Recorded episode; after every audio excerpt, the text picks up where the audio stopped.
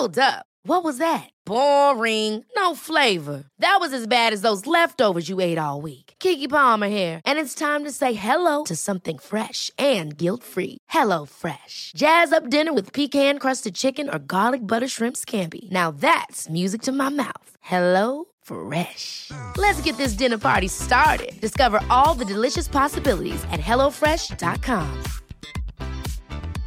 A lot can happen in three years, like a chatbot may be your new best friend. But what won't change? Needing health insurance. United Healthcare Tri Term Medical Plans, underwritten by Golden Rule Insurance Company, offer flexible, budget friendly coverage that lasts nearly three years in some states. Learn more at uh1.com.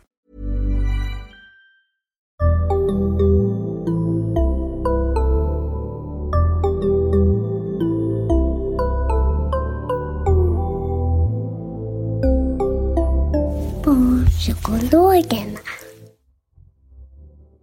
Hej och välkomna till Barnpsykologerna, en podd med Liv Svirsky, Lars Klintvall och idag med Kristina Aspvall. Hej! Hej, tack för välkomnandet. Eh, varsågod. Eh, vi ska prata om eh, att förebygga tvångssyndrom hos barn. Ja, Kring, och det, ska liksom lite handla om en forskningsstudie som du precis håller på att starta upp och letar deltagare Precis. till. ja. Eh, Men innan vi gör det, kan du bara berätta kort vem du är? Vem jag är? Eh, jag heter Kristina som sagt och är psykolog och forskare på Karolinska institutet. Eh, och jag har i tio år jobbat med barn och ungdomar som har tvångssyndrom eh, och forskat på hur kan man öka tillgängligheten till behandling genom internetförmedlade insatser. Jättebra. Mm. Men, och då pratar du oftast, när man tänker, i alla fall när jag tänker tvångssyndrom och barn och unga, då tänker man ju typ tonåringar. Ja, det, det kan man göra, men det är lika vanligt, eller kanske inte lika vanligt, men det är också vanligt hos yngre barn. Mm. Eh, man kan se att liksom debutåldern brukar vara någonstans mellan 10 och 12 år, eh, men liksom i genomsnitt. Men det finns också yngre barn som får tvångssyndrom och äldre tonåringar. Kan du bara Eh. jättekort säga vad, vad så att alla, alla vet såklart det, men säg det ändå, vad tvångssyndrom är för någonting. Mm. Tvångssyndrom är när man har, får tvångstankar, vilket är så påträngande, jobbiga tankar som man verkligen inte vill ha, som man upplever är väldigt obehagliga och brukar leda till att man känner ångest eller rädsla eller äckel eller någon annan som jobbig känsla. Och sen att man gör tvångshandlingar, alltså beteenden som man gör för att liksom få bort de här tankarna, för att förhindra att det man är rädd för ska inträffa eller för att få bort de här jobbiga känslorna. Eh, så det kan till exempel vara att man är rädd för att någonting är smutsigt och man får smuts på händerna och man känner äckel och man vill gå och tvätta händerna för att få bort eh, smutsen och, och känslan av äckel. Eh, men det kan också vara att man till exempel är rädd för att det ska börja brinna hemma och att man är noga och kollar spisen innan man ska gå hemifrån eller ställa frågor till sina föräldrar om spisen verkligen är avstängd. Men, så, de här två komponenterna, liksom, en, o, en obehaglig Ja. tanke eller bild och sen någonting man gör för att bli av med den. Ja, Känslan. precis. precis. Men är det alltid så? För jag tycker att man hör Eh. historier om folk som säger att de bara har tankar och inte gör någonting. Ja. Och att man hör tvärtom också, att man gör handlingar men man har egentligen ingen katastroftanke eller obehagstanke. Ja. Ja, men det, det är jättevanligt och det är många som upplever det exakt på det sättet. Att, eh, men det kan ibland då till exempel vara om man liksom börjar nysta lite i det. Att de som säger att ja, men jag har bara tvångstankar. Då kanske de liksom tänker på någonting för att lugna sig. Att liksom tvångshandlingarna kanske är någonting de gör tyst för sig själv inne i huvudet. Mm. Att till exempel ja, men det, eh, om man får en tvångstanke. att Tänk om det här är någonting farligt. Eller tänk om jag eh, kommer hoppa framför tåget till exempel. Eh, det är ju en tvångstanke som, man liksom, som ingen ser, det händer inne i huvudet. Och då kanske ens tvångshandling, jag tänker nej men det kommer jag inte göra, det är ingenting som är farligt. Och för en person som har OCD, men liksom kanske inte har gått i behandlingen, kan det här vara svårt att liksom skilja åt. Båda, båda sidorna är tankar. Ju. Precis, båda sidorna är tankar. Ja. Och samma sak så kan det vara att eh, man säger som jag har bara tvångshandlingar och eh, då kan det ibland vara så att det kanske är mer liksom känslan som driver beteendet. Att det kan vara en känsla av att någonting är fel, alltså nästan som lite så här, eh, vi brukar kalla, för, eh, kalla det för just right eh, just right OCD ibland. Att det är liksom en gnagande känsla att det någonting är fel, liksom som det skaver, skoskav i hela kroppen. Eh, och det är ju inte heller en tanke, utan mer liksom en känsla. Eh, men som ändå kan leda till beteende, att man korrigerar saker för att det ska kännas rätt. Och det kan vara det att man fastnar och öppnar och stänger dörren massa gånger eller tänder och släcker Ja, lampor. det kan eller det vara. Ja, så det kan man ju Precis, så det kan man ju både göra för att man tänker att någonting kan hända ens förälder eller liksom ens partner om man inte gör det. Eh, eller så kan det vara att ja, man är rädd att, eller så att det är den här känslan av att någonting känns fel i kroppen. Mm.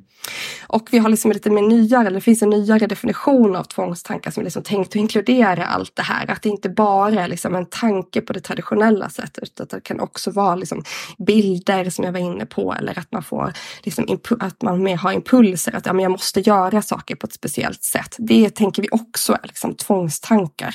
Så. Eh, mm. Vill du också säga någonting om, för det här kan ju se ut som eh, när man har repetitiva beteenden via en autismdiagnos.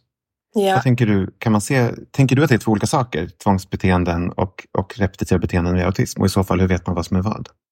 Jättebra fråga. Eh, och det, liksom på, utsidan, eller om man liksom skulle observera det här som utomstående, så kan det ju se väldigt likt ut. Att det liksom en, en person med autism kan liksom fastna och göra saker upprepade gånger som du är inne på. Och det kan ju också de som har OCD.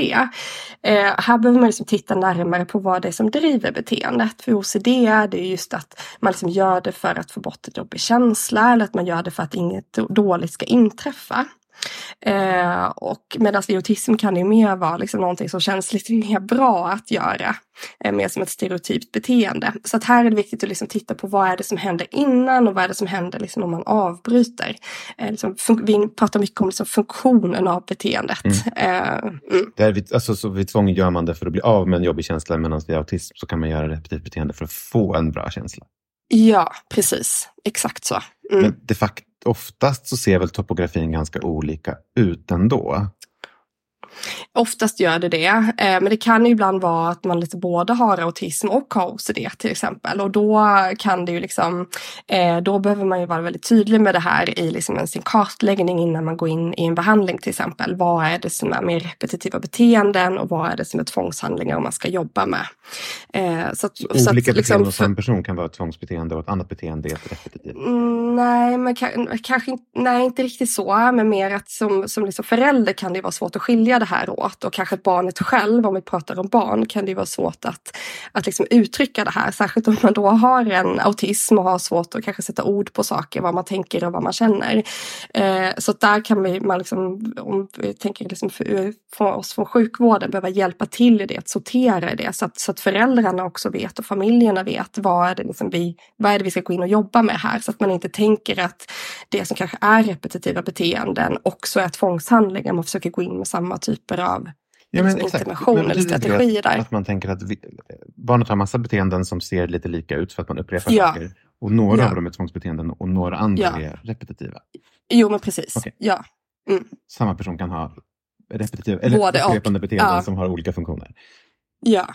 Ehm, men om vi bara fokuserar på, på, på ett, ett tvångssyndrom. Mm. Eh, hela den här idén med att förebygga som du håller på med. Ja ja. Eh, det måste ju vara helt omöjligt för så himla vanligt är inte tvångssyndrom. Hur ska ni hitta barn som ni tänker kommer att utveckla tvångssyndrom när de är tio? Ja, det, det här är det vi har funderat länge på och eh, liksom vi, vi har tänkt, eller här, baserat på den forskning som redan har gjorts inom liksom, tvångssyndrom, så vet vi att i de, familjer där det redan finns någon som har haft OCD, eh, som vi OCD eh, står för Obsessive Compulsive Disorder, eh, som är det engelska namnet. Så att ibland pratar vi om tvångssyndrom och ibland om OCD, så att jag kommer kanske byta lite mellan. Ehm, men OCD är, alltså finns det liksom en förälder eh, eller ett syskon eller en tvilling eller om man som vuxen har ett barn som har haft OCD. Liksom I de här familjerna då har man sett alltså på gruppnivå i tidigare studier att där finns det liksom en fem, då har barnen fem gånger så hög risk att utveckla det de själva. Eh, och man tänker liksom att, att prevalensen är liksom att det, i liksom, den generella befolkningen är ungefär 2% som har OCD någon gång under livet. Mm. Så är det i de här familjerna där det redan finns OCD kanske risken 10 procent istället. Mm. Så att du har ju rätt i det att det är inte jättevanligt. Det är vanligare med liksom ångestproblematik eller liksom depression. Eh, men det är ändå inte superovanligt 10%? i befolkningen. 10% Nej, i procent. Nej, precis. Eh, så att man har liksom kanske 10 procent risk där att utveckla det. Eh, så att just nu för att liksom verkligen undersöka om det går att förebygga det här, då riktar vi oss, eller liksom vill vi hitta de här familjerna där det, fin där det redan finns OCD i familjen och där det finns ett barn som är liksom innan den debutåldern vi tänker, som är, som är under tio år.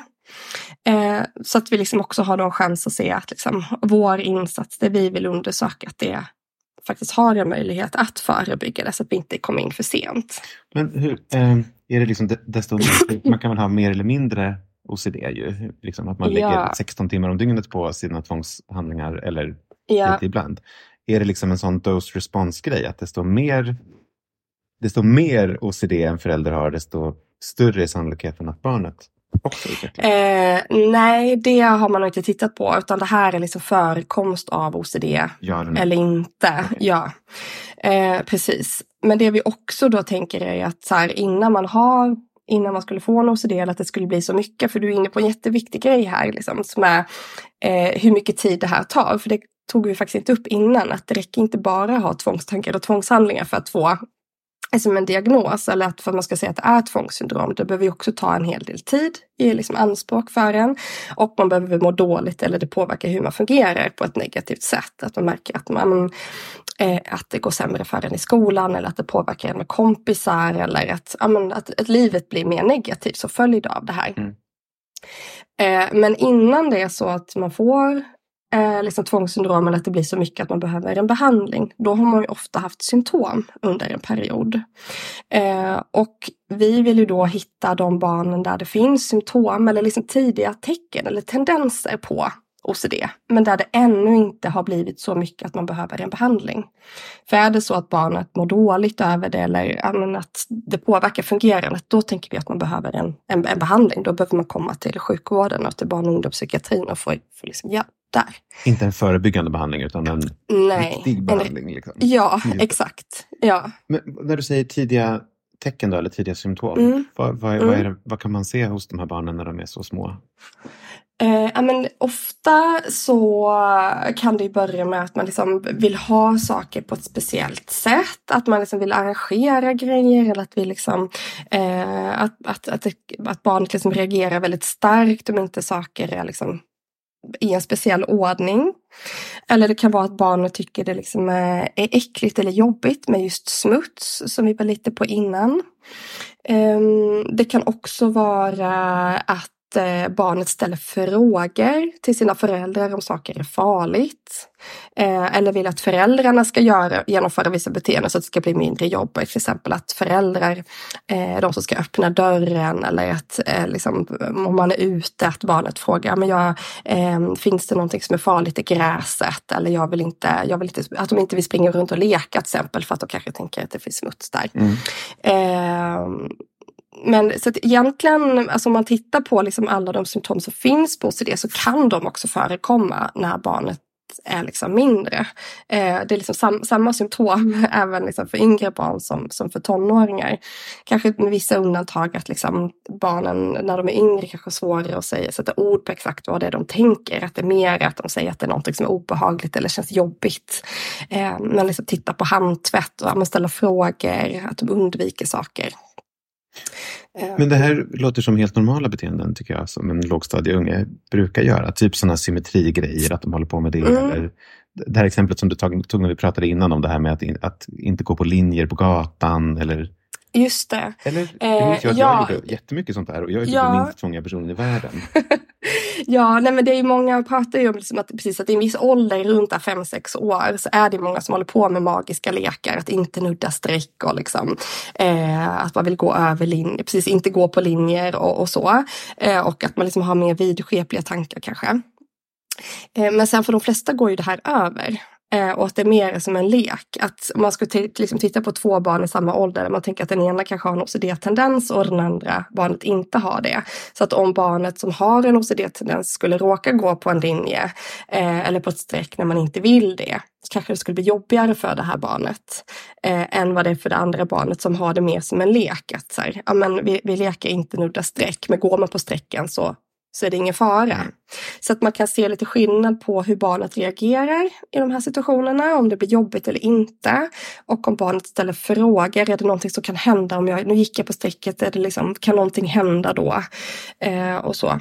Men sen är det väl också att, att liksom titta på om det är liksom ett genomgående, är det ett mönster som kommer igenom, liksom att, att det, liksom, det upprepar sig över tid. Då kanske det kan vara ett tecken på OCD. Och över tid, vad menar du då? Under en vecka eller? Nej, utan snarare lite längre tid. Att det här, men man kan se det i alla fall under liksom en eller ett par månader. Have catch yourself eating the same flavorless dinner three days in a row? Dreaming of something better? Well, hello fresh is your guilt free dream come true baby. It's me, Gigi Palmer. Let's wake up those taste buds with hot juicy pecan crusted chicken or garlic butter shrimp scampi. Mm. Hello fresh. Stop dreaming of all the delicious possibilities and dig in at HelloFresh.com. Let's get this dinner party started. Quality sleep is essential. That's why the Sleep Number Smart Bed is designed for your ever evolving sleep needs. Need a bed that's firmer or softer on either side? Helps you sleep at a comfortable temperature? Sleep Number Smart Beds let you individualize your comfort so you sleep better together. JD Power ranks Sleep Number number 1 in customer satisfaction with mattresses purchased in-store. And now, save 50% on the Sleep Number limited edition Smart Bed for a limited time. For JD Power 2023 award information, visit jdpower.com/awards. Only at a Sleep Number store or sleepnumber.com. A lot can happen in 3 years. Like a chatbot may be your new best friend. But what won't change? Needing health insurance. United Healthcare tri-term medical plans underwritten by Golden Rule Insurance Company offer flexible, budget-friendly coverage that lasts nearly 3 years in some states. Learn more at uh1.com. Om man pratar om, om, om behandling för tonåringar och, och för vuxna. Mm. Hur, hur, bra är de här behandlingarna som vi har? In, om, för att ni ska tänka att det ska gå att förebygga med en behandling, så yeah. att ni måste vara säkra på att ni kan behandla det när det är fullt ja. utvecklat. Absolut. Men den, den psykologiska behandlingen som rekommenderas både för barn och ungdomar och vuxna är kognitiv beteendeterapi eller KBT. Eh, och mer specifikt så innehåller den övningar som, heter, som kallas för exponering med responsprevention. Att man ska liksom utsätta sig för det man tycker är jobbigt och liksom frivilligt eller liksom medvetet på ett kontrollerat sätt framkalla tvångstankar och de här känslorna som man tycker är jobbiga. Mm, det är exponeringsbiten? Och, det är exponeringsbiten, mm. exakt. Och samtidigt så ska man stå emot, liksom minska eller skjuta upp och göra sina tvångshandlingar så att man liksom lär sig att hantera tankarna och känslorna på ett nytt sätt. Och den typen av behandling vet vi fungerar väldigt bra om man har OCD. Den hjälper ungefär 70 procent blir liksom mycket hjälpta eller väl, liksom, väldigt mycket hjälpta eller mycket hjälpta mm. av den behandlingen. Sen så är det, har man liksom en svår OCD kan man behöva tilläggsmedicinering med, med läkemedel till exempel. Men liksom majoriteten av de som har, har en tydlig OCD som inte är extremt svår blir hjälpta av en KBT-behandling. Eh, och det är genomgående ungefär samma siffror för alla de här åldersgrupperna. Men sen kan man ha såklart samtidiga problem också, att man samtidigt har autism eller att man samtidigt har andra ångest diagnoser? Ja, ja precis. Har man, har man tvångssyndrom då är det ofta vanligt att man har någon annan typ av liksom, samsjuklighet eller precis som du var inne på, annan ångest eller depression.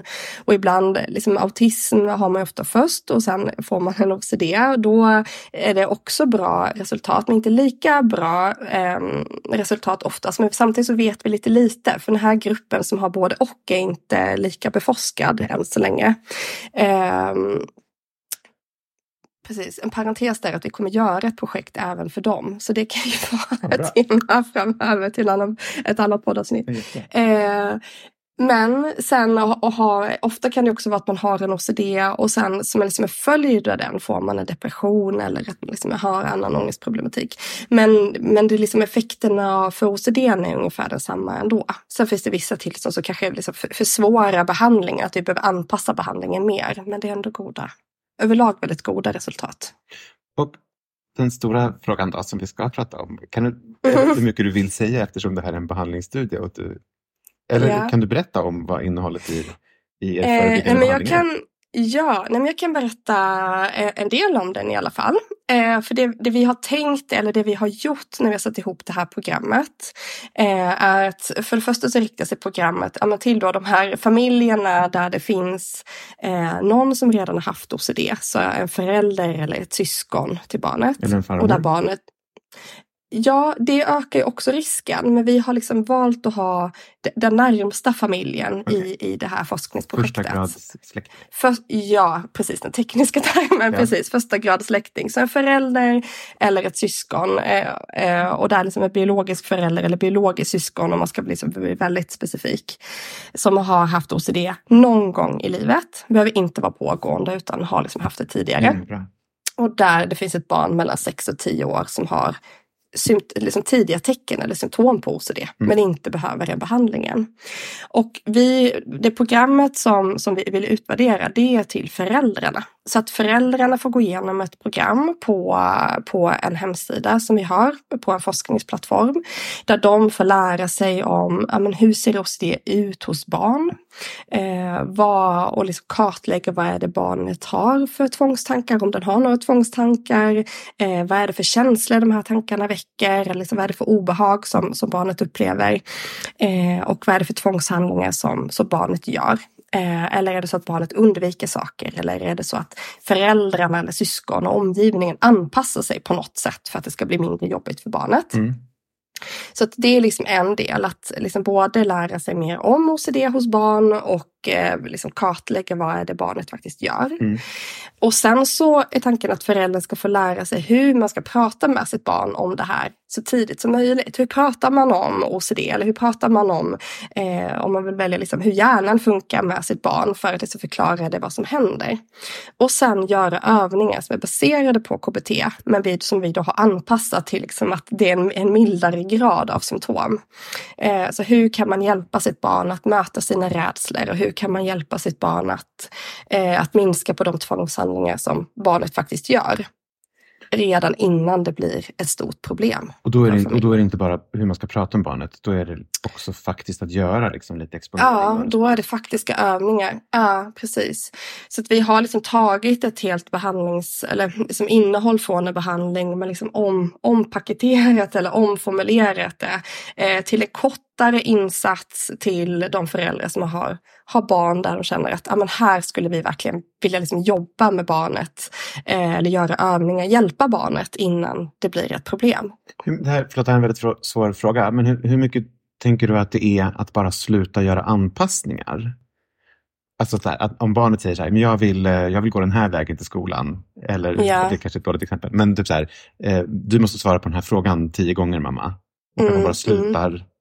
Följa med barnet i de anpassningarna. Och hur mycket tror du ja. att det är att faktiskt arrangera exponeringar Eh, nej men för vissa, vissa familjer kanske det handlar om att sluta med anpassningar.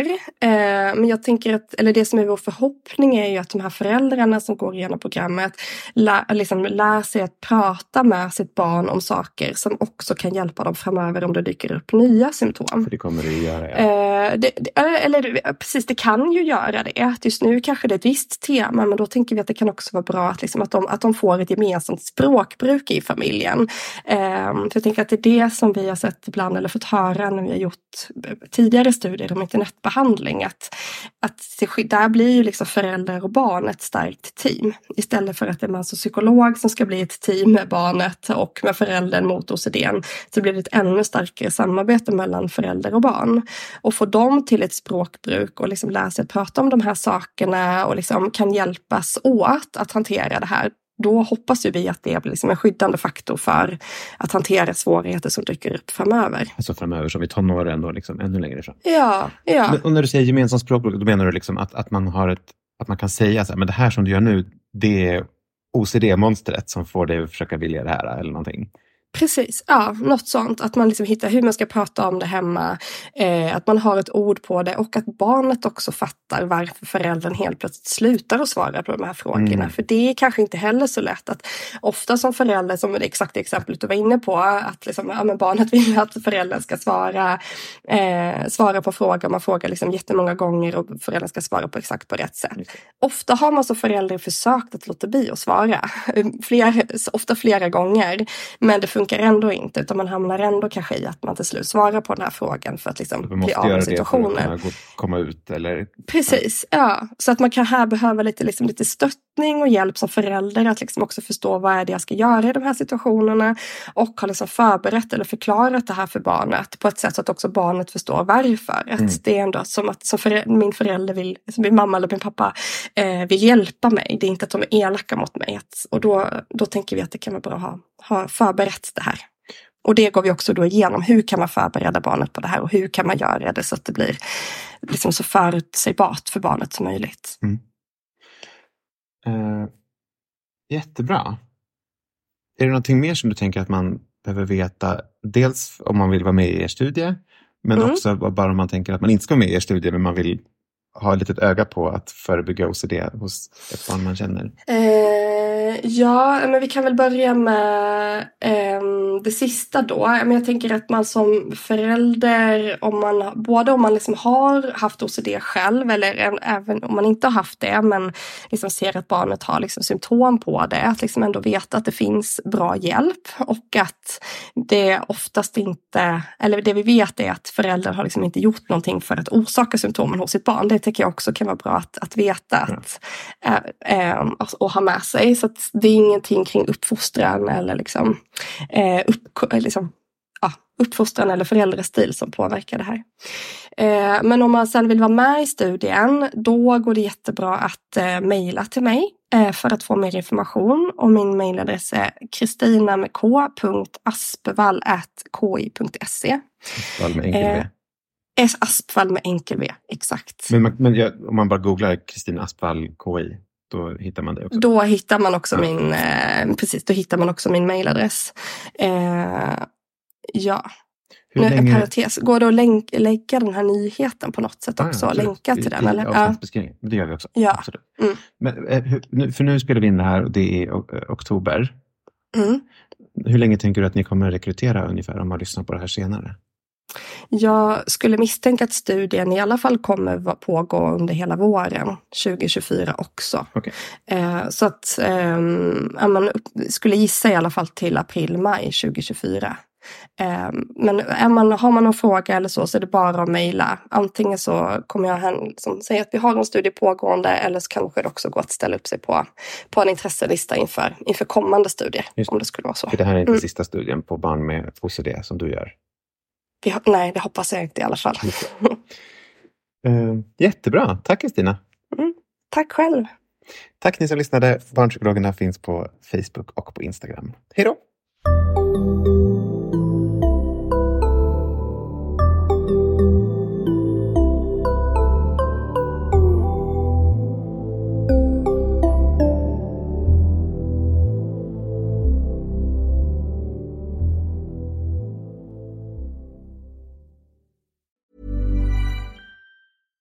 Catch yourself eating the same flavorless dinner three days in a row? Dreaming of something better? Well, HelloFresh is your guilt-free dream come true, baby. It's me, Gigi Palmer. Let's wake up those taste buds with hot, juicy pecan-crusted chicken or garlic butter shrimp scampi. Mm. Hello Fresh. Stop dreaming of all the delicious possibilities and dig in at HelloFresh.com. Let's get this dinner party started.